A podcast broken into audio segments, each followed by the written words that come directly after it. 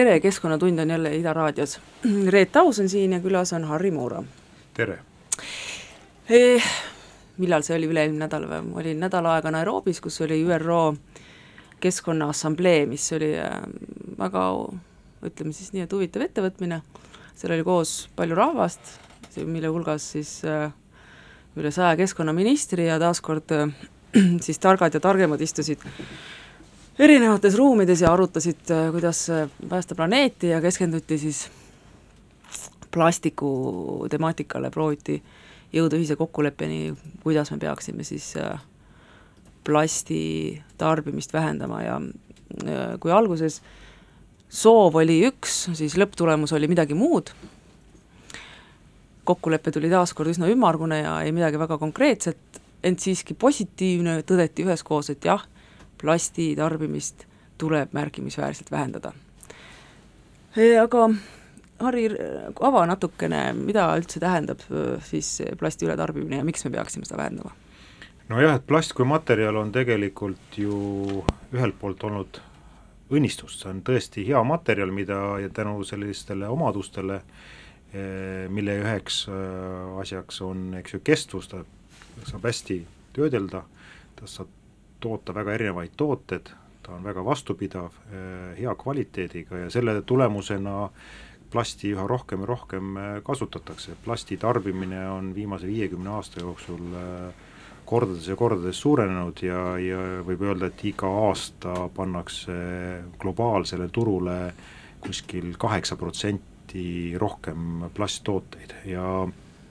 ja kokkuvõttes kuskil kakskümmend viis miljonit tonni eh,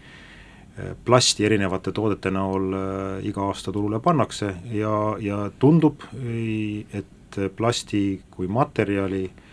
kui väga ideaalse materjali erinevate toodete tootmiseks, äh, selline kasutusvaldkonnad laienevad ja teda on tänasel päeval sisuliselt kõikjal meie ümber. nagu ma enne ütlesin, plasti on ju tõesti olnud ideaalne hea materjal, teisest küljest äh, tänu nendele headele omadustele on ta ka äh, väga nii-öelda tänasel päeval äh, peetakse plasti ikkagi ka üheks suuremaks eh, keskkonnaprobleemiks. Ja, ja see avaldub väga erineval moel, ma kujutan ette, et võib-olla siin arenenud riikides, kus meil jäätmekäitlussüsteemid ühel või teisel määral ikkagi toimivad, kuigi ka siin Eestis ju me näeme üha rohkem plasti ka jäätmetena, prügina ja igal pool mujal, ka meie organismis on lausa plasti erineval kujul üha rohkem, siis tegelikult plastmaterjal äh, eelkõige kolmandates riikides, seal kus äh, kogumissüsteemid, jäätmekäitlussüsteemid ei ole hästi arenenud, seal ta on ikkagi väga jube materjal ja, ja sisuliselt tänasel päeval on ta tõesti üks suuremaid probleeme. aga tuleme korra algusesse tagasi, et eh, mis, mis siis plasti toormaterjal on? no plasti polümeer, polümeer nagu ta on, võib toota väga erinevatest nii-öelda eh, allikatest, võib olla siis nii-öelda taimne eh, laias laastus siis tselluloosist toodetud või bioplast, millest viimasel ajal üha rohkem räägitakse, aga, aga siiski valdav osa tänasel kujul nii-öelda polümeeridest, plast, erinevatest plastiliikidest, materjalidest, mida me igapäevaselt kasutame, ikkagi on sünteetiline ehk naftapõhine mm. -hmm. nii et eh, see on nagu kõige põhilisem toore ja ta on ka kõige odavam, nii et jah, teiselt poolt siis need nii-öelda biopõhised plastmaterjalid, polümeerid, mis, millega siis on üritatud naftapõhist polümeeri asendada, see on see, kus siis aga miks see, aga miks see asendus selle läbi ei lähe või miks see alternatiiv äh, ei lenda? ikkagi eelkõige on hind see, nafta on meil piisavalt odav, naftast on väga lihtne erinevaid plastmaterjale toota ja ka naftapõhised polümeerid on tänasel päeval siiski kvaliteedi osas paremad kui erinevad biopõhised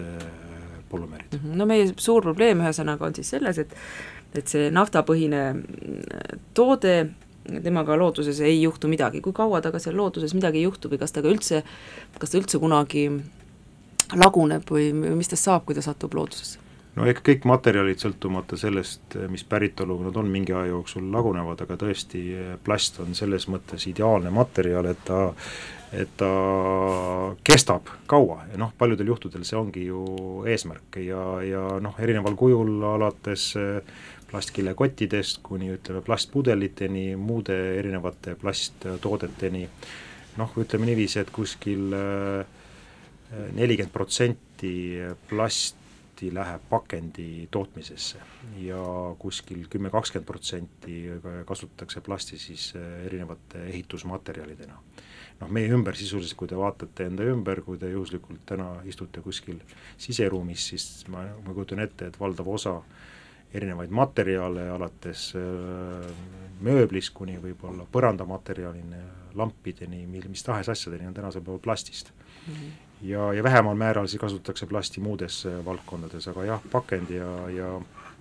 ja ehitusmaterjalid, need on need, kus plasti kõige rohkem äh, on. aga noh, plasti on ka erinevat tüüpi, on ju nii, ja mm, osa plasti on kergesti ümbertöödeldav, aga on ka plastiliike, mis äh, ei allu ümbertöötlusele, on see nii või? jaa, et tegelikult plastmaterjale on võimalik küllaltki, osasid vähemasti, tähendab, sõltub, plasti on erinevat liiki, seal laias laastus kuskil kümme kategooriat, mis põhiliselt pre-, pre-, prevaleerivad, nendest. Pooled on küllaltki lihtsasti äh, ümbertöödeldavad ja kringlusse võetavad, näiteks seesama PET-pudel, mida me kõige tüüpilisema näitena ju ka ringlussevõtu näitena toome, ehk seda on küllaltki lihtne äh, Eh, ringlust suunata, ehk siis PET-pudelist toodetakse tänasel päeval väga laialdaselt igasuguseid rõivaid, eh, fliise, magamiskotte, aga üha rohkem nüüd toodetakse ka PET-pudelist uusi pudeleid, et see on ka mhm. võimalik, aga kõik see sõltub sellest, milline on see toode, eh, kui palju neid erinevaid plastmaterjale on ühte tootesse kokku pandud, kui palju on niinimetatud segumaterjale ja kui puhtalt on seda võimalik kätte saada ja põhiprobleem plastidega on see, et neid plastmaterjale äh, pannakse kokku erinevasse tootesse väga erinevaid ja selle tulemusel on nii-öelda tekib nii-öelda segaplast ja niisuguste erinevate polümeeride segusid on väga raske mõistlikult äh, ringlusse suunata mm. -hmm. mis plastidest on siis nagu kõige ebameeldivam, millega meil noh, tegelikult ei ole ikkagi mitte midagi teha? Jah, erinevad segu, seguplastid, äh, need võivad olla väga erinevat liiki, aga on ka mitmeid äh, selliseid äh, plastmaterjale, noh laialt on lavi, levinud polüsteröön, mida paljud tänasel päeval kasutavad soojustusmaterjalina hästi laialt levinud, igas-, ka pakendimaterjalina, kuigi iga edumeelne tootja tänasel päeval enam seda nii-öelda valget vahtplasti mm -hmm. ei kasu, ei tohiks kasutada, siis seda siiski väga no, palju kaubandusvõrgus seda on ikka ju. päris palju päris ja ma kujutan ette, et, et, et, et kuulajad on ka hädas olnud, et kui ostad mingi uue elektroonikaseadme, siis seda kerget lenduvat, kergesti purunevat aga samas suure mahuga plastmaterjali on palju ja ka ütleme, sellise plastmaterjali siis ringlusse võtmine on, on keeruline, ta on, ta on kerge, ta teda, teda on vaja, eks kokku pressida, see vajab investeeringuid ja, ja üldjuhul siis äh, paljud sellised äh, alates sega, segaplastidest ja muudest sellistest materjalidest, nende nii-öelda lõpp ongi siis kas siis põletamine või, või prügilasse mm -hmm. ladestamine. aga PVC? PVC on äh, ka üks selliseid äh, materjale, kus äh, kloorisisaldusest tulenevalt seal on dioksiine, kui seda nüüd töödelda term-, termini, termiliselt. Ja jah, PVC-d on ka peetud selliseks materjaliks, mida ei ole mõistlik suurtes kogustes enam kasutada, paljudes riikides on selgesti võetud suund, et sellist PVC tüüpi plast materjali välja suruda, samas teatud valdkondades on ta mõistlik, ta on muidugi jällegi jube heade omadustega, näiteks noh, needsamad põrandamaterjalid, kus, mis on laialt levinud, väga tihti PVC, näiteks meie saabaste kingade tallad, valdavas osas kõik PVC. mis juhtub, kui panna saapad kodus ahju ja need ära põletada? noh, seda ma kujutan ette, juhtub päris tihti, ma olen ise näinud Eesti maapiirkondades toimub selline kodune jäätmekäitlus, mõned paremad maal elavad inimesed on isegi spetsiaalsed tünnid muretsenud kuskil aianurka, kus siis oma jäätmeid põletatakse ja muuhulgas muidugi ja tänasel päeval tõesti meie segaolmejäätmetesse on palju plasti ja needsamad tekstiilriided, saapad, noh, sisuliselt sa võid ühe paari saabaste põletamisel tekitada sama palju dioksiini kui Iru jäätmepõletustehas kokku kogu aasta jooksul, nii et tegelikult jah, inimesed tihtipeale ei, ei tea, mis tegelikult, millist keskkonnamõju nad võivad, millist mürgitamist enda keskkonna elukeskkonna mürgitamist nad võivad teha niisuguste, niisuguste käitumisega. aga see tuhk, mis sellest põlemisest jääb, mis tavaliselt ju tegelikult läheb sinnasamma aiamaale, no see ongi see, kus siis, mis sisaldab siis erinevaid toksilisi mürgilisi aineid, sealhulgas dioksiini ja, ja kui sa selle tuha siis, mis tahes või tahtmata sul seal pinnasesse, põhjavette satub ja, ja väga vabalt võib see liikuda ka su oma äh, porgandipeenrasse, nii et toidulauale tagasi, on ju? jah, et see on selline tõeline mahetootmine, mida tihtipeale Eesti inimesed maapiirkondades kipuvad tegema, endale teadvustamata tegelikult mm -hmm. selliseid äh, vastikuid mõjusid mm. -hmm. paneme ühe muusikapala vahepeal, sobib nii või?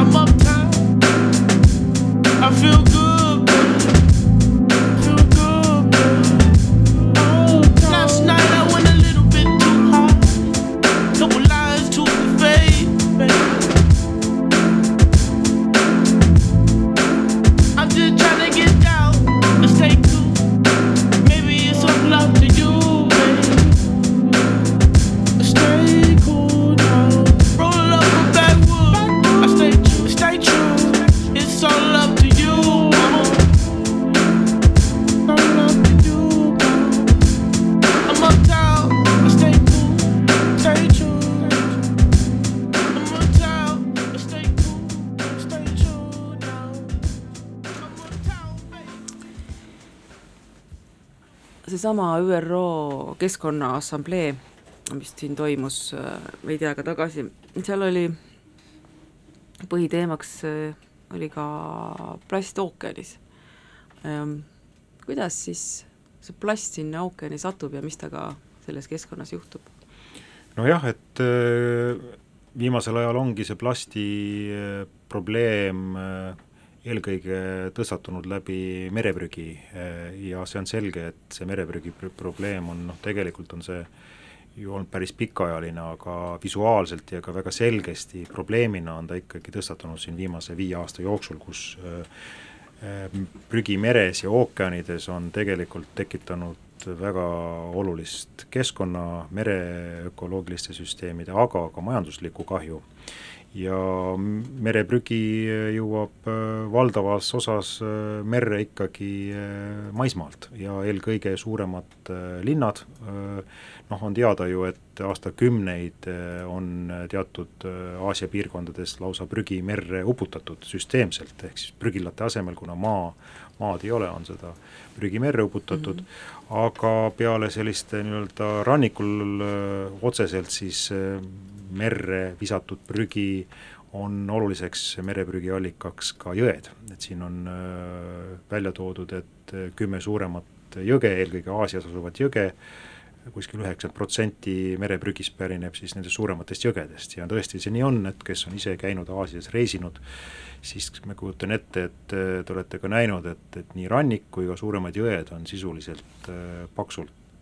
prügi täis ja sellest prügist äh, mis siis merre jõuab, sellest kuskil kaheksakümmend, üheksakümmend protsenti on jällegi seesama plast, plast, plastipõhine materjal, mis sinna, mis sinna jõuab. ühelt poolt noh, sellisel kujul ta mõju, otseselt mõjutab siis visuaalselt, esteetiliselt, noh, seesama turismi ja rannikupiirkonna selline heakord, aga teiselt poolt ka otsene mõju ökosüsteemile, loomastikule äh,,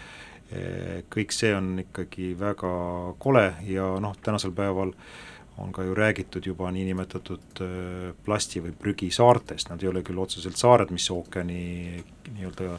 kesk, keskel on, et seal, kus siis äh, toimub selline vee ringlev tsirkulatsioon, sinna see prügi jõuab, nendest Vaikse ookeani suurtest äh, nii-öelda prügisuppidest on vist õigem sõna, on leitud äh, plastmaterjale, mis on toodetud viiskümmend, kuuskümmend aastat tagasi, et see jällegi näitab, et seesama plast, eks ju, püsib keskkonnas aastakümneid, aastasadu. Mm -hmm. Ja kindlasti seesama plast täna kasutades, mis te ära viskate, võib-olla ringleb seal ookeanis veel äh, tükk-tükk aega pärast seda, kui me oleme, meie oleme siit äh, maailmast lahkunud, nii et tegelikult see on tõesti suurem proov, eriti, eriti jah, kolmandates riikides, Aasias mm, ookeanides, äh, kus siis see on muutunud väga oluliseks majanduslikuks probleemiks samuti. ma arvan, et India on hea näide sellest, kuidas võib-olla viisteist aastat tagasi, kui ma esimest korda käisin Indias, siis äh, plastik hakkas sinna jõudma, siis oli, äh, hakkas see maa täituma plastikuga, vahepeal noh, tõesti iga kord, kui sa sinna jälle lähed, näed, kuidas see probleem on kuhjunud ja kuhjunud. Ja samas ähm, võib-olla paar aastat tagasi, me räägime Tamil Nadus, kus megi koos oleme mitmeid kordi ju käinud seal tehastes, ühel hetkel tekkis neil äh, jäätmekäitlussüsteem, plastik, plastile tekkis turg ja noh, reaalselt sa nägid, kuidas plasti on järjest vähem ja vähem tänavatel ja looduses üleüldse ja võib-olla kõige hämmastavam muutus on mm, siis augustis ma olin seal ja nüüd käisin vee-, noh, jaanuaris ja uuesti äh, märtsi alguses ja selle aasta alguses Tamil Nadus keelati äh, plast, üks, ühekordsed plasttooted ära ja plastkilekotid samamoodi. Ja tõepoolest, äh, isegi see poole aasta, selle poole aastaga see vahe, mis on, on seal keskkonnas tekkinud, on täiesti märkimisväärne, ehk siis tegelikult äh, kaubandusinimesed äh, ja kõik kohaneb äärmiselt kiiresti, kui see materjal lihtsalt turult ära võtta, et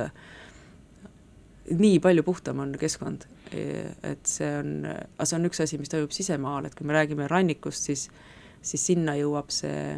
ma arvan, et sinuga me nägime ühte, ühte kilpkonna ka, kes oli seal suur, suur merekilpkonn. nii oli jah, jah, kilpkonn on Plastisurma selline hea näide sellistest, kes äh, siis kipuvad siis kas plastprügis äh, kilekottidesse, võrkudesse takerduma ja tõesti oli üks suur merekilpkonn oli öö, oma elu jätnud üht nii sisuliselt prügi, plastprügi tagajärjel ja siin on terve rida neid näiteid erinevatest vaaladest ja, ja muudest mereelukatest, kelle magu on sisuliselt täis mereprügi ja tegelikult öö, ei pea kaugele minema, ka meie needsamad kajakad, kes siin tiirutavad meie peade kohal, ka nende pugu, pugud on täna äh, plasti täis ja noh, ega see väga mõnus ei ole, kui sul äh, magu on plasti täis ja, ja, ja, ja selle läbi siis selline elukvaliteet, ma kujutan ette, on palju-palju kehvem, aga jah, tegelikult ähm, India on võib-olla selles suhtes nagu natukene positiivsem näide, kuna Indias on äh, kohapealne plasti ringlussevõtu tööstus viimastel aastatel kiiresti arenenud,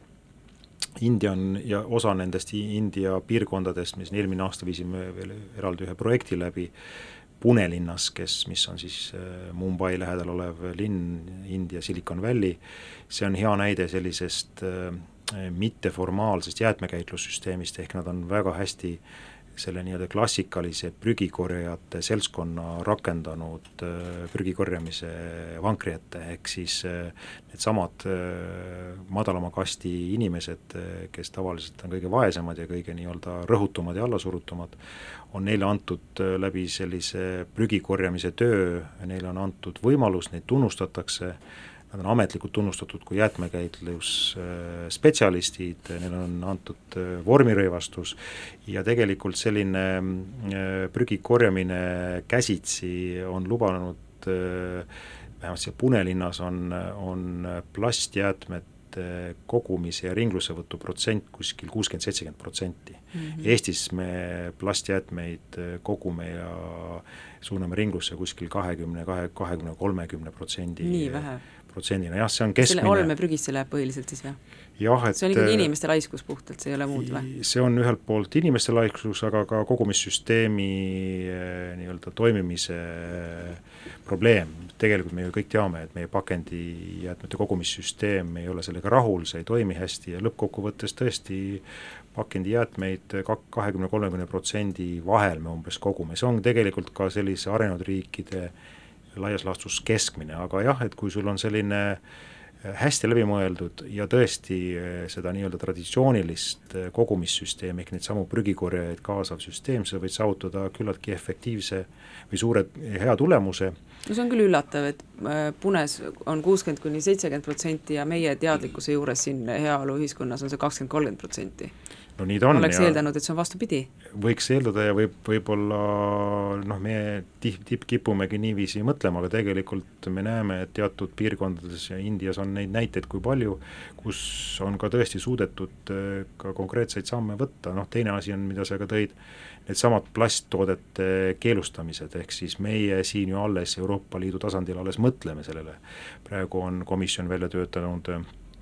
direktiivi eelnõu, mis siis peaks äh, loodetavasti siin lähiaastatel rakenduma, kus siis esimest korda teatud ühekordsed äh, plastesemed siis keelustatakse, aga jah, Indias on need juba paar aastat olevates piirkonnades mm -hmm. see toiminud, see on kaasa aidanud, aga muidugi, muidugi ka seal on terve rida probleeme ja Aasia riikid on väga erinevad, näiteks Kambodžas ja Vietnamis, kus, äh, mis on väga palju toetunud India äh, Äh, siis äh, ringlussevõtu süsteemile, teadaolevalt kõige suurem plastide ringlussevõtu riik on ikkagi Hiina ja, ja India ja, ja niisugused suuremad riigid, eelkõige Hiina. aga Hiina siin paar aastat tagasi sisuliselt lõpetas äh, erinevate teisese toorme, siis erinevate jäätmete impordi, kuna neil tekib Hiinas nii palju erinevaid siis jäätmeid, et nad suudavad selle ringlussevõtuna juba oma äh, tööstustoodangu äh, ära nii-öelda rahuldada, siis Nad ei osta sisse enam või? väga vähe nad ostavad aga sisse. Eesti paneb oma kogutud plasti? jah, meie, suurem osa meie plastist ka, näiteks PET-pudelitest ju mõned aastad tagasi liikus kõik ikkagi Just, Hiinasse Hiina., jah, aga tänasel päeval Hiina sisuliselt on sulgenud uksed madalakvaliteedilisele teisesele toormele, sealhulgas ka sellisele madalakvaliteedilisele plastmaterjalile. Ja see on üldine probleem Euroopas ja noh, eriti lööb ta neid vaesemaid arenguriike, kes on ka kogunud kokku, aga kus nüüd ei ole omal seda ringlussevõtu süsteemi, nii nagu ka Euroopa Mhm. Liidus, me oleme sisuliselt äh, suures osas äh, jäätmete ringlussevõtu võimekuse Euroopas äh, viimase kümne aasta jooksul hävitanud, no täiesti masendav. jah, valdavalt oleme toetunud väljaspool Euroopat olevatele ringlussevõtutehastele mm, -hmm. mis siis tänasel päeval näitab seda, et me peame kõike seda hakkama uuesti üles ehitama ja nüüd võib-olla ongi hea, hea moment tegelikult teha seda, sest et äh, see on palju jätkusuutlikum, kui sa ikkagi ehitad kohalikke nii-öelda ringmajanduse ärimudeleid ja ma kujutan ette, et ka Eesti võiks olla siin aga kuhu Pigem. me saadame oma plasti, tead sa või? Eh, jah, et tegelikult on äh, ka Baltimaades teatud äh, plastmaterjalide ümbertöötlejaid, on Euroopas, aga nii, nagu ma enne ütlesin, jäätmeid on kümneid kordi rohkem kui äh, siin Euroopas kohapealset võimekust neid ümber töödelda. et tegelikult seda oleks vaja palju rohkem, teine asi on see, et äh, siiani näiteks Eestis kokku kogutud äh, plast, näiteks pakendid on olnud küllaltki madala kvaliteediga, segaplast, erinev äh, segapakend,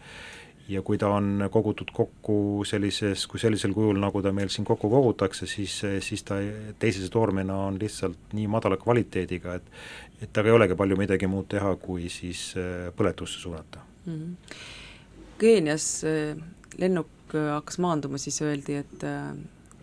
plasti maale viimine on keelatud, Keenias nimelt on ka plasttooted keelatud ja see oli päris huvitav selline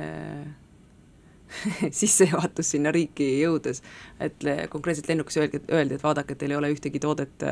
mis teil on äh, kohvris, mis et ei oleks pandud plastikkoti sisse. ja noh, tõepoolest seda kontrollisid piiril. Nad võtavad väga, väga tõsiselt seda ja, ja noh, see on tegelikult Nairobis ka linnapildis näha, et noh, võib-olla ka ürituse tõttu oli linn muidugi üles vuntsitud, aga aga plastikjäädet niimoodi eriti tõepoolest sulle silma ei hakka enam. jah, aga noh, tegelikult eks need riigid oskavad ka teha sellist asja nagu Potjonkini küla, ehk siis tegelikult, mis selle kulissi taga on, ka needsamad plasti keelustavad seadusaktid tihtipeale, nende rakendamine on ikkagi nõrk, et selles suhtes äh, oleks kindlasti seal üht koma teist teha, nojah, nad tihti nendes kohtades, kus on võimalik, lennujaamad mitmel pool mujal, väga selgesti pööravad tähelepanu, aga eh, tihtipeale, kui sa lähed eh, nii-öelda tavalisele turule, siis sa ikkagi näed seal eh, massiliselt plasti, mis nad on muidugi kavalalt teinud, need kilekotid, mis enne olid kilekotid, nad lihtsalt eh, on nad kujundanud selliseks, et nad tunduvad välisel vaatlusel nagu tekstiilist olevat toodetud ja, ja see on ka Indias hea näide, et et turg kohe reageerib vastavalt sellele ja üritab ikkagi seda re- regulatsiooni sellest ümber minna, aga, aga ma arvan, et laias laastus on see õige suund ja, ja sellistes kohtades, kus eh, see plast eh, ei sobi lihtsalt sellisesse ökosüsteemi, seal ei ole midagi muud teha, kui lihtsalt seda keelustada ja Mhm. vältida mm. -hmm. mõistlik, kuulame Mussi.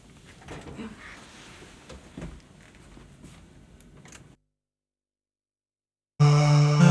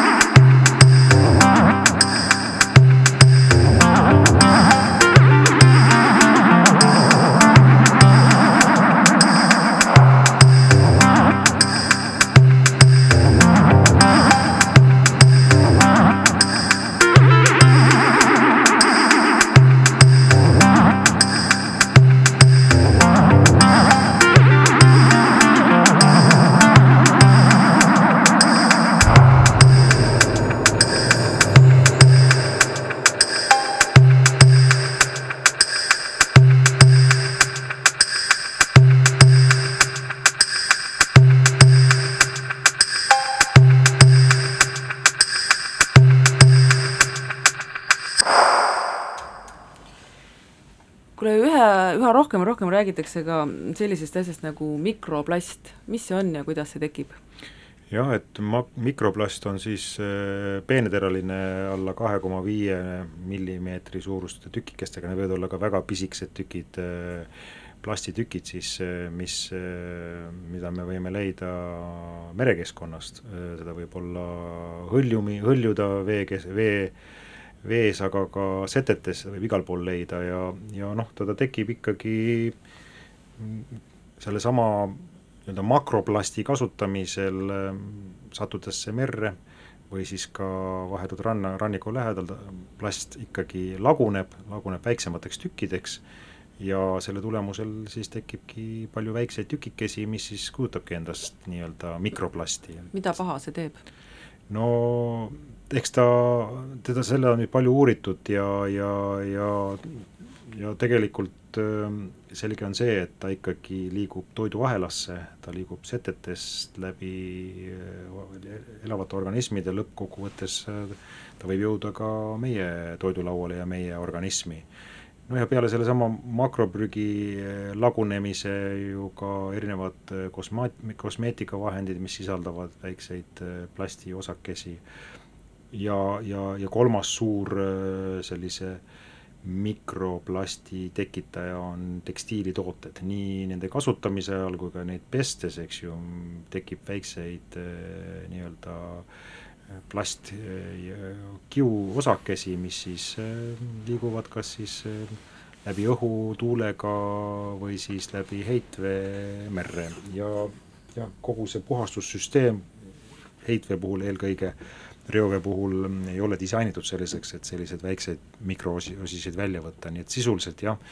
merekeskkonnas on täheldatud, et viimastel aegadel on ikkagi mikroprügi, prügi või mikroplasti osakaal pidevalt suurenenud, seda on leitud äh, erinevatest äh, mereelukatest. Äh, ka meie Läänemerest ka meie Läänemerest, meie Läänemeres võib-olla see mikroprügi temaatika ongi asjakohasem, sest et noh, ütleme, meil on ka makroprügi, ütleme plasti ja kes on ranna, rannapiirkonnas kõndinud ikkagi, ka seal leidub rannas palju pudeleid, saapaid, igasugu muud prügi, aga seda mikroplastikut kindlasti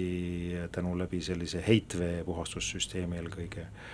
Äh, liigub äh, meredesse suurtes kogustes. ehk see tähendab siis seda, et äh, ma olen ostnud endale mingi segakiust pusa, pesen seda kodus oma pesumasinas, minu oma pesumasina filter seda mikroplasti kinni ei võta, samamoodi ka linna puhastus, veepuhastussüsteem ja nii ta jõuabki ka meie Läänemerre või? jah, ja üha suuremates kogustes, sellepärast et sellist äh, Äh, neid tooteid, mis on siis äh, plastist toodetud, äh, on üha rohkem, nii nagu enne me rääkisime, ja kõik see üht või teistpidi viisi lagunedes läbi pesemise, kasutamise, noh, ma soovitan kõigil, nüüd on sobiv aeg kevadel, kui nädalavahetusel näiteks kodus oled ja päike paistab sisse, kardin eest ära tõmmata, siis sa näed, kui palju seal õhus lendleb äh, nii-öelda tolmu, enne vanasti oli see väga paljuski selline bio- või orgaanilise või bioloogilise päritolu, tänasel päeval on valdav osa sellest tolmust, mis meil kodus lendab, äh, plastipõhine. Ja kõik nii, see plast meie kopsu sattudes, mis ta seal teeb? noh, eks ta mõjutab meie, meie organismi ühel või teisel viisil, äh, noh viimasel ajal on palju räägitud just sellistest äh, toksilistest mõjudest äh,, on erinevaid noh, plasti äh, kasutamisel on vaja plasti eh, nii-öelda pehmemaks teha, on terve rida siis tooteid, eh, näiteks laste vannipardid ja igasugused muud plast, pehmed plastvahendid, T-särkidele trükitakse igasugu pilte, mis on ka mm -hmm. sisuliselt niisugune kummiplasti segu, pehme, need on kõik sellised asjad, mis tegelikult sisaldavad terve rida selliseid kemikaali, mis siis aitavad neid põllumere nii-öelda pehmendada ja kõik need tegelikult on äh, tekitavad äh, olulist kesk-, keskkonnamõju, aga ka meie tervisele mõjud, mõjud, mõjuvad väga halvasti, et nii sellised terve rida äh, hormoontasakaalu häired, mis inimestel üha rohkem on, need on selgesti ikkagi tänasel päeval tõestatud, et äh, tänu sellele, et, et meie ümber on üha rohkem, rohkem plasti ja üha rohkem me hingame seda ühel või teisel viisil sisse, seda, seda plast äh, sõna tõsises mm -hmm. mõttes. no aga oskad sa, meenub sul või oskad sa tuua mõne näite, räägime, kui me no, räägime lastest, siis on ju no väga levinud on see, et äh, laste pidžaamadel, T-särkidel on äh, needsamad erinevad äh, trükitud kujundid, mis tõepoolest noh, mis, mis, mis seesama plasttrükk, millest sa rääkisid, et oskad sa tuua mõni, mõnda näidet, mis haiguste, haigustega seda seostada saab jaa, et needsamad hormoontasakaalu häired, mis noh, lastel on väga selgesti lihtsasti tulemas, kuna lapsed on palju sensitiivsemad, et igasugune selline äh, kemikaali äh, kokteil, eriti mis puudutab selliseid äh, plastide pehmendajaid, erinevaid, äh, see on terve rida ftalaadid, igasugused muud ühendid, mis tegelikult laialt kasutatakse plastides. ja minu arvates ikkagi on see ikkagi väga kurjasti ja ma soovitan kõigil vältida sellist asja, et, et näiteks sedasama lapse ihu lähedal olevat noh, öösärgile trükitud mingisugust pildikest, eks ju, et sisuliselt, sisuliselt see on ju pikka aega lapse ihuvastas mm., me maa, öösärk on seljas pikka aega ja kui nüüd ihuvastas on selline plast, mis sisaldab sellist kemikaali kokteili, siis, siis kindlasti see mõjutab ka lapse tervist, nii et sellisel juhul ikkagi ma arvan, et tänapäeva teadlik tarbija peaks neid asju teadma ja proovima vältida igal juhul selliseid öö, otseseid kokkupuuteid öö, teatud plastidega mm. -hmm, aga natuke jõuame nüüd äh, äkki selle moetööstuse teema juurde ka otsapidi, mis oli huvitav, tulles veel tagasi sellesama ÜRO Keskkonnaassamblee juurde, siis äh, kui plastiteemadel on seal siis mingisugused kokkulepped saavutatud ja mingi suund selge, siis uus äh, prioriteetteema, millega nii ÜRO kui Euroopa Liit väga aktiivselt nüüd siis aastast kaks tuhat üheksateist tegelema hakkab, ongi seesama moetööstus. mida nad siis ütlevad, et on teisel kohal oma keskkonna saastamisega. ja lihtsalt mõned niisugused numbrilised faktid, mis äh, on, räägivad enda eest, et siis moetööstuses on seitsekümmend viis miljonit inimest kaasatud ja kaks koma neli triljonit äh, dollarit on siis äh, see globaalne tööstusharu aastas ta on teine kõige suurem äh, magevee tarbija, samal ajal siis produtseerides kakskümmend protsenti äh, üle, nagu ja, issand siis, noh, mis see sõna on eesti keeles? Äh, hall vett või? reovett. reovett, aitäh, jah, just nimelt. et ja kaheksa kuni kümme protsenti emissioone paiskab ta õhku, et tegemist on ikkagi äärmiselt raiskava tööstusharuga. jaa, ja sa unustasid veel ühe olulise ja ühe suureneva keskkonna ütleme, ressursivoo mainimata, et jäätmed, eks ju, ehk millega sa ise tegeled, ehk siis see on see, kus ütleme, sellise ringmajanduse põhimõtetest lähtuvalt me näeme äh, et see on tohutu ressursi raiskamine, mis toimub, et kõik need vee, õhuemissioonid ja muuhulgas ka väga palju kemikaali kasutatakse tekstiilitööstuses, erinevad värvid, muud ained, mis tegelikult mõjutavad ühelt poolt nende töötajate tervist väga oluliselt, aga teiselt poolt, nagu me juba ennem siin mainisime, mõjutavad ka tarbijate tervist, et tegelikult see jäätme pool on kindlasti see, mis, mis on võib-olla isegi siiamaani vähe tähelepanu saanud ja mis kaudu ja ühelt poolt ka sellesama plastitemaatikaga paralleelselt on just seda tähelepanu leidnud, ehk siis mm -hmm. ressursi raiskav tarbimine ja jäätmete teke, rõiva, kasutatud rõivad kui jäätmed on üks, üks probleemsemaid jäätmevooge, mida on väga raske ringlusse suunata, sisuliselt kui korduskasutada ei ole võimalik, mida muidugi peaks võimalikult suures koguses tegema, aga nagu sa ise tead, kiirmood ja kogu selle moetööstuse nii-öelda iseloom iseenesest on suunatud sinna, et rõivad äh, nende, nende kasutamise aeg on lühikene, kvaliteet on madal, nad ei olegi disainitud selleks, et neid pikk, väga pikalt saaks kasutada. ehk siis need kogused, mis äh, nüüd rõivajäätmeid äh, tekib, need on äh, tohutud. ja mida nendega teha, see on suur, suur küsimärk, sest head võimalust ei ole, nii nagu ka plastide puhul, enne ma mainisin, segaplastid on raskesti ringlusse võetavad, siis tänapäeva tekstiil, kangas äh, materjal, sa ise tead, on väga paljuski erinevate äh, polümeride ja kiudude segu, eks ju, ehk mhm. siis kui enne vanasti meie rõivad suures hulk koguses tehti ikkagi puuvillast või muudest biomaterjalidest või biokiududest, siis tänasel päeval jällegi üle poole põhineb nii-öelda sünteetilisel kiul, mis sisuliselt on seesama polümeer äh, ühel või teisel viisil, sisuliselt plast, eks ju. Nojah, kui me tahamegi sinna ümbertöötlusesse jõuda, nii nagu me plasti puhul rääkisime, ka tekstiili puhul, nagu sa mainisid, kõige keerulisemad ongi needsamad segamaterjalid ja see tegelikult, kui me vaatame siin äh, puuvilla või villa või, või, või lina või naturaalseid kiude, siis mehaaniline ümbertöötlus, noh, meil on ju tegelikult lahendused olemas. aga mis selle keeruliseks teeb, ongi seesama sorteerimise ja materjalide eraldamise mm, võimekus, esiteks Euroopas noh, kui me räägime laiemalt, siis ongi ka tööjõud on väga kallis, aga kui sul on seal ikkagi juba ma ei tea, kakskümmend protsenti mm, naftapõhist kiudu kangas, siis sa teda mehaaniliselt enam ümber ei töötle ja, ja, ja tegemist ongi väga keeruka jäätmeliigiga. ja kakskümmend, kakskümmend viis, äh, paranda mind, kui ma eksin, Euroopa Liidu sees tuleb meil kogu tekstiiliprügi ka eraldi koguda. Äh, see ootab ka meid, eks just nimelt ja tegelikult eks vaikselt äh, on üritatud siin ka hakata neid liigiti kogumist, ehk siis kasutatud rõivaste liigiti kogumist äh, sisse viima, aga probleem on see, et äh, lihtne on kokku koguda võib-olla, aga palju raskem on seda ümber töödelda, et, et ka Eestis on praegu olukord selline, et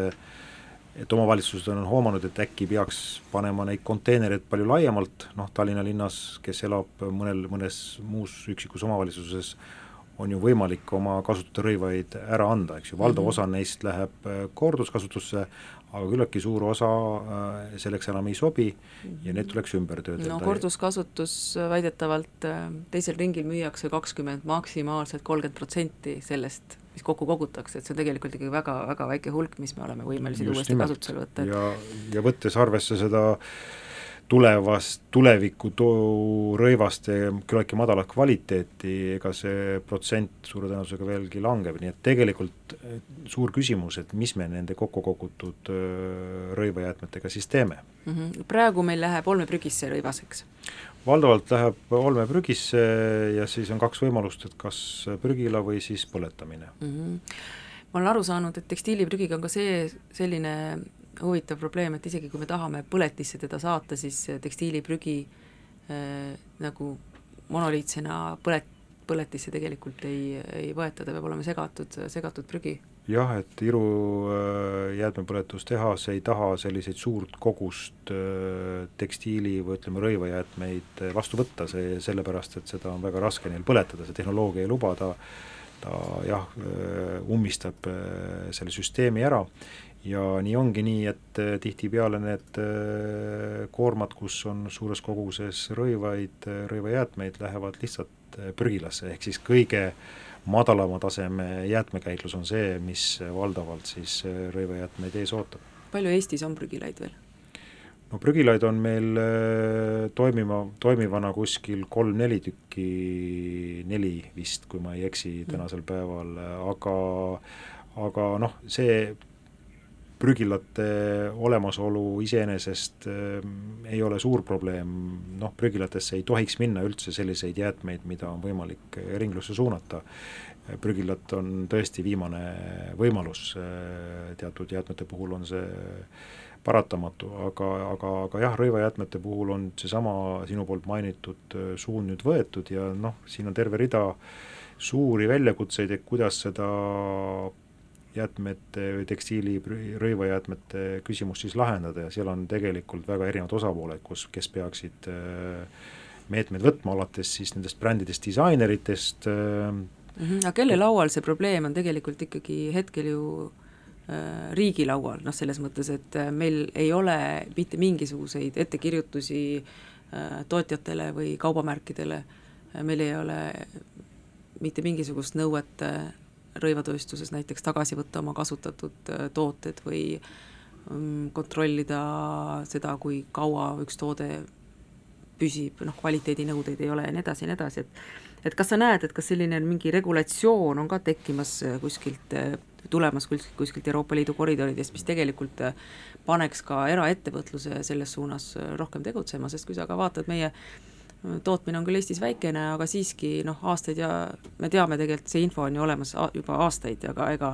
ju mingisugust aktiivsust keegi üles ei näita, et ikkagi ettevõtja hakkab liigutama ennast siis, kui tal on kas maks või ettekirjutus kuskilt kõrgemalt poolt. jah, tegelikult äh, seesama äh, juba peaaegu viie aasta pärast rakenduv äh, kohustus Euroopa Liidu liikmesriikides siis tekstiili- ja rõivajäätmeid hakata koguma, võib endas kätkeda ka tootjavastutuspõhimõtte rakendamist, see ei ole sada protsenti kokku lepitud veel, selle üle palju piike murtakse ja muidugi mm -hmm. tootjad ja, ja, ja brändid ja maaletoojad äh, sõd-, sõdivad selle asja vastu mm -hmm., noh, rõivaste puhul on selle tootjavastutuspõhimõte, noh, see on sarnane põhimõte nagu pakendite puhul näiteks või elektroonikajäätmete puhul, et kõik, kes turule panevad või toodavad äh, siin Euroopa Liidus peavad siis äh, oma jäätmet, äh, korraldama nende jäätmete kokkukogumise ja ringlussevõttu mm. -hmm. pakendite puhul, elektroonikajäätmete puhul on see küllaltki lihtne, sest et siiski neid turule panijaid on lihtne tuvastada mm. -hmm. rõivaste puhul on see keeruline, et siin on, äh, see ongi see üks pro-, põhjuseid olnud, aga samas on ju ka terve rida äh, riike, kes on üritanud seda teha, näiteks Prantsusmaa Euroopa Liidus on seda üritanud teha ja, ja, ja Prantsusmaal et, toimib tootjavastutus tekstiil? jah, et niisuguseid mm -hmm. asju on üritatud rakendada teatud selliste äh, Äh, teatud lähenemisi, aga, aga jah, siiamaani äh, selgesti seda saaks teha ainult siis, kui kogu Euroopa seda rakendaks, ma kujutan ette, et sellel oleks siis jumet, sest et kui üksikutes riikides seda hakata tegema, siis võib tekitada kohe küsimust, et kas ma sellega tekitan sedasama kuulsat nii-öelda, nii-öelda tootjate kohtlemise, võrdse mhm. kohtlemise probleemi. Ameerika ei peaks seal paadis olema või? Noh, globaalsel tasandil on äh, niikuinii väga raske asju rakendada, ma noh, kui me ei ole suutnud kliimamuutustega või ütleme, äh, seotuid kokkuleppeid globaalselt korralikult rakendada mm., siis kindlasti me ei suuda seda sellise asja puhul nagu rõivad ja, ja tekstiilitooted Äh, globaalses mõistes, aga ka Euroopa Liidu sees mul on ikkagi, äh, lootus on ja, ja et me saada, saaksime siin teha sellise mm, ühise lähenemise, et see oleks äh, üleüldine üle kogu Euroopa Liidu kõikides liikmesriikides, siis on sellel asjal jumet, sellepärast et nagu sa ise ka ütlesid, et see kohalikku tootjat on väga vähe jäänud, valdav osa tooteid tuuakse mujalt sisse, et selles suhtes on ülioluline, et Euroopa Liidu kogu ter-, kõikides liikmeriikides rakendataks ühtne lähenemine mm, -hmm. et mhm. siis oleks sellel asjal ka mõju, siis saaks ka väga selgesti mõjutada suuri globaalseid brände, aga ka tootjaid, kes tegelikult ju asuvad äh, pigem Aasia piirkonnas mm -hmm. kui, kui, kui siinpool. lugesin just äh, siin eelmise nädala lõpus teadet, et äh, eelmisel aastal second-hand rõivaste müük ületas esmaste või uute rõivaste müügi turg on kasvanud globaalselt. juba, jah, globaalselt jah, on kasvanud ja. suuremaks, mis on üsna üllatav, kui, kui mõelda, kui palju me tegelikult toodame ja ja noh, eelmine aasta oli ka suur, USA-s oli suur jae, jae, jaekaupluste selline pankrotilaine, et noh, ilmselgelt on, on muutused ka natukene toimumas. ja selles valguses, et Aafrika erinevad riigid järjest aktiivsemalt ka ütlevad, et nad ei nõustu enam USA ja Euroopa äh, prügi vastu võtma, noh, tegelikult on tegemist ju prügiga, mida me, mida me sinna saadame, sest et see on olnud ikkagi Euroopa ja USA jaoks väga pikki aastaid selline nagu tagavara väljapääs, et me kogu selle tekstiiliprügi, millega me ei oska midagi peale hakata, pakime kokku ja saadame lihtsalt Aafrikasse. Jah, et tegelikult äh, seal on kahe otsaga, mõne, ühest, ühest küljest on see korduskasutatavate rõivaste korduskasutamise suur protsent, tuleneb sellest, et väga palju on seda nii-öelda jääke ületootmist, eks see on mm -hmm. lihtsalt äh, mõistlik seda ära kasutada sellisel juhul, aga küsimus tekib, et kas meil on vaja seda nii palju toota, eks ju. aga seesama nii-öelda kolmandatesse riikidesse, eelkõige Aafrikasse, siis meie kasutatud rõivaste nii-öelda viimine tal on, tal on teatud mõttes äh, sotsiaalne aspekt, teisest küljest on tegelikult peale selle, et nii-öelda prügi või ütleme jutumärkides prügi viiakse kolmandatesse riikidesse, on ka selline odav äh, second-hand äh, rõivas ära tapnud ka nende Aafrika riikide oma tekstiilitööstuse mm -hmm. ja tihtipeale on ta ära tapnud ka sellise traditsioonilise tekstiilitööstuse, mis on ju väga Aafrikas olnud väga äh, Äh, oluline osa kultuurist ja muudest asjadest, et tänasel päeval selline kirev af-, Aafrika stiil või rõivakultuur või, või disain on sisuliselt äh, välja surnud, et mm -hmm. isegi neid kangaid ei toodeta enam koha peal, vaid pigem Indias ja, ja mujal, et selles mõttes jah, on ta suure löögi tekitanud ka kohalikule tekstiilisektorile mm. -hmm. huvitav oli seal samas Keenias rääkisin äh, seal kohalikust ministeeriumist inimestega, kes ütlesid, et Hiinast tootmine on hakanud liikuma äh, Aafrika riikidesse väga jõuliselt, mis, äh, mis ka muidugi on äh, noh, see oli aimatav, et sellest ju räägiti, on räägitud palju, aga nagu tundub, et ka see moetööstus liigub sealt Aasiast Aafrika suunas üsna aktiivselt, mis mis näitab jällegi seda, et kaubamärgid ikkagi jätkuvalt ja jätkuvalt otsivad neid odavamaid võimalusi, et toota, et seda seda äh, arusaamist, et et kallim hind, parem kvaliteet ja kauakestvam toode, et äh, see ikkagi sellisesse masstootmise ja kiirmoe äh, ärimudelisse ei mahuta ikka veel. Jah, et tegelikult kahjuks jah, selline moetööstus ise ei ole veel, kuigi sellest palju räägitakse, ei ole siiski otsustavalt mitte mingisugust suuremat pööret teinud, et ka needsamad suured brändid, kes äh, ju väga selgesti oma kuvandit läbi eetilise või keskkonnasäästu äh, promovad, äh, ju sa väga hästi tead, kuidas nad tegelikult käituvad kolmandates riikides, hind on kõige olulisem lõppkokkuvõttes ja mm, -hmm. ja kui keegi pakub madalama hinnaga tootmise võimalust, siis hiljata, hüljatakse kõik oma senised koostööpartnerid, liigutakse kohe järgmisse kohtadesse. noh, mingil hetkel on muidugi, tuleb sein ette, see on selge, et, et, et küsimus ongi see, et kuhu, kuhu oleks mõistlik nagu liikuda, kui kõikjal on juba hinnad äh, tõusnud, ehk siis lõppkokkuvõttes me näeme, et kõik need riigid vähehaaval tegelikult ikkagi arenevad, eks ju, need palgad tõusevad igal pool. Ja lõppkokkuvõttes äh, on see võib-olla isegi hea, et äh, me näeme, et teatud tekstiilitöö tootmine, kuigi Eestis tänasel päeval, kus me kuuleme äh, et Sangar lõpetab tootmise, Baltika lõpetab tootmise, siiski on äh, terve rida võimalusi ja ärimudeleid, äh, kui need ärimudelid õigesti valida, ka toota kallimates riikides ja miks mitte ka Eestis, nii et äh, ma siiski arvan, et, et, et sellised kohalikud ärimudelid, et toota ka oma rõivad võimalikult piirkondlikult ja kohalikult, et see oleks kõige, kõige mõistlikum. Ja miks mitte toota neid äh, siis jäätmetest, nii nagu Reet Ausi nimeline disainer on teinud, nii et niisugused mudelid on need, millele peaks rohkem tähelepanu pöörama. nojah, eks meie see katsetus on mingis mõttes olnud selline hea noh, eks see ongi olnud väga suur huvi aru saada, kas on võimalik asju niimoodi teha ja tuleb öelda, et loomulikult on võimalik lõppkokkuvõttes aga kui me räägime sellest korra veel sellest samast äh, tekstiiliprügist ja, ja, ja meie kasutatud rõivastest, mis tihtipeale tegelikult ei olegi prügi, suures osas on ta ikkagi uuesti kasutatav, siis ähm, millised need lahendused meil siin Euroopas praegu on, noh me teame, et äh, Eestis ei toimu sel teemal midagi, soomlased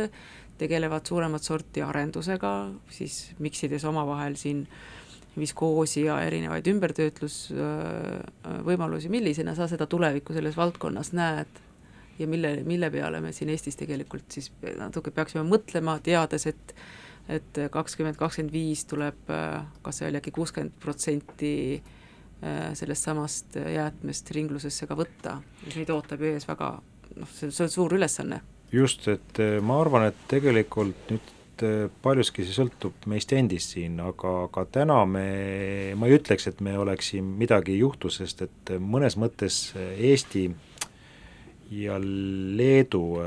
ütleme, Balti riigid on olnud väga selgesti siin viimastel aastatel Põhjamaade kasutatud rõivaste esmane nii-öelda sortimise teenusepakkuja, et noh, sii-, see on muidugi väga palju siiamaani sõltunud või olnud seotud meie odava tööjõuga mm, -hmm. aga see esmane sortimine on tehtud väga paljuski Eestis Humana, kellel on ka suur sortimiskeskus Leedus, aga nüüd oleks mõistlik võtta järgmine samm, ehk siis kuidas siis need nii-öelda need tekstiili- ja rõivajäätmed, mille, mida me enam korduskasutusi ei saa, et kuidas neid nüüd ringlusse suunata. Ja siin on äh, terve rida tehnoloogia arenguid käimas, peaksime ise olema aktiivsed, erinevad osapooled võiksid neid niinimetatud ärimudeleid arendada, tehnoloogia arengutes osaleda, et me saaksime siis lisada siia juurde just sellesama ringlussevõtu komponendi ja siin on kaks asja, mhm. kas mehaaniline ringlussevõtt või keemiline ringlussevõtt, need on kaks aspekti, need on sisuliselt nagu tööstuslikud protsessid ja mina näen, et siin võiks Eesti kindlasti olla sellises innovaatilises ees, eesreas ja koos, miks mitte Soome teiste osapooltega siis eh, siia ka vastavaid tööstusi eh, püsti panna, sest vastasel juhul, vastasel juhul me jääme lihtsalt selliseks odava toorme riigiks, eh, me võime ju oma keskkonnahoius osas uhkust tunda, aga, aga tänasel päeval jäätmete põhine tööstus on tegelikult ringmajandus ja, ja, ja tihtipeale me pelgame, et et kui me tuuakse siia teiste riikide jäätmeid, et see on mingisugune jube tegevus, et tulevikus saab see olema üks osa majandusest ja tegelikult see aitab kaasa meie säästlikkusele laias plaanis, nii et ma loodan küll, et eh, eesotsas Eesti ettevõtjate ja ka ülikoolidega me suudame koostöös Põhjamaade partneritega selliseid mudeleid rakendada. muidugi, kui me oleme selliste asjade vastu ja näeme, et, et see ei peaks Eestis toimuma, siis siin ka midagi ei toimu no hea uudis muidugi on see, et eh, kõik Euroopa Liidu rahad eh, alates sellest aastast peaaegu suunatakse ringmajandusse ja, ja kuna tekstiili- ja moetööstus on prioriteet number üks, siis kindlasti toetust saada selleks, et, et siin midagi püsti panna, on, on küll ja küll, aga me oleme kuidagi selle aja kõik täis lobisenud ilma eriti muusikat kuulamata, aitäh, Harri, et sa tulid ja oli äärmiselt huvitav vestlus taas kord! tänu!